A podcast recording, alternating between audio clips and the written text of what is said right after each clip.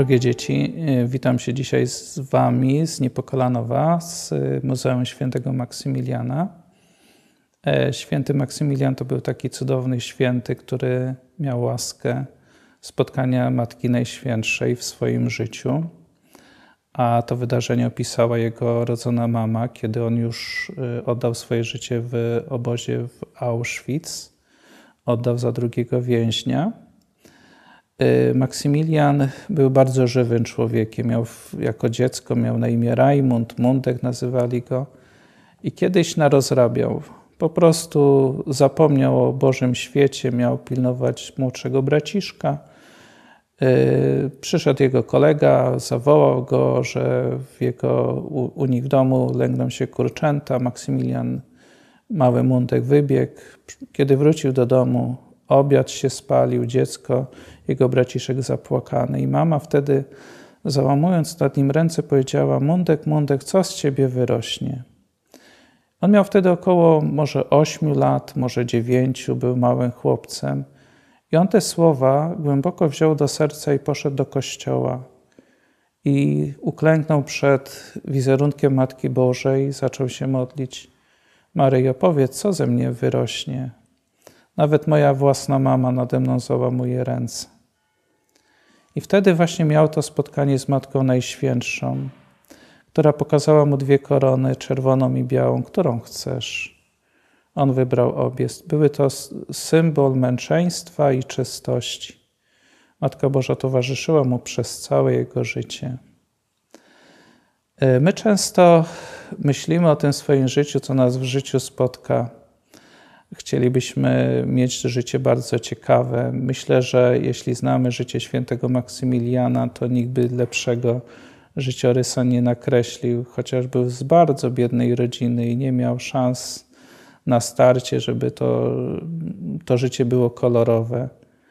A był misjonarzem w Japonii, założył największy klasztor na świecie, wydawał tysiące egzemplarzy rycerza niepokalanej założył drugą radiostację w Polsce, Radio Niepokalanów, tutaj właśnie na terenie. Marzył o założeniu telewizji, y, nawet planował, aby tutaj w Niepokalanowie powstało lotnisko. Część z tych planów się zrealizowało, część nie. Ale to, z czego znamy Maksymiliana, to, że kiedy trafił do obozu zagłady w Auschwitz, to kiedy słyszał, jak jeden z, z więźniów wybrany do celi śmierci na zagładę, na śmierć głodową, zaczął przeżywać, co będzie z moją żoną, co będzie z moimi dziećmi, to Maksymilian wyszedł do przodu dobrowolnie powiedział: Chcę pójść za niego na śmierć. Niemcy byli w szoku, bo nigdy nic takiego nie, nigdy się nic podobnego nie zdarzyło, żeby jakikolwiek więzień zaoferował swoje życie za drugiego człowieka.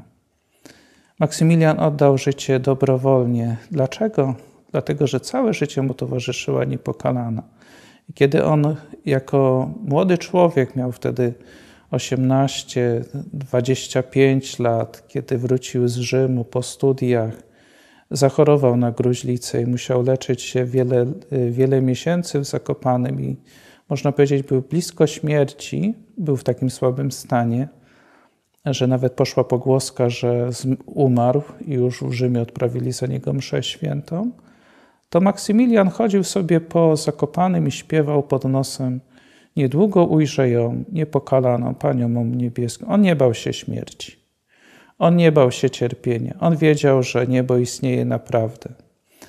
Kochane dzieci, Matka Boża jest dla nas wszystkich i tak jak przyszła do tego małego Mundka i towarzyszyła potem przez całe życie, przez 47 lat świętemu Maksymilianowi, ona będzie towarzyszyć każdemu z Was, jeśli tylko tego zapragniecie, jeśli tylko odmówicie nawet prostą modlitwę, zdrowaś Maryjo, czy w jakiś inny sposób poprosicie ją, aby była z Wami, ona będzie w każdej chwili Waszego życia, szczególnie kiedy będzie trudno kiedy może wszyscy o was zapo zapomnią, nikt o was nie będzie pamiętał. Ona zawsze pamięta o swoich dzieci i troszczy się. A dokąd nas prowadzi? Ona prowadzi nas zawsze do Pana Jezusa. Ona mówi: Oto są Twoje dzieci, zobacz, Jezu, kogo Ci przyprowadziłam. każdego z nas zna po imieniu. Także, miej, y, kochane dzieci, starajcie się mieć ten czas dla Matki Bożej. Ona zawsze jest z Wami w każdej chwili.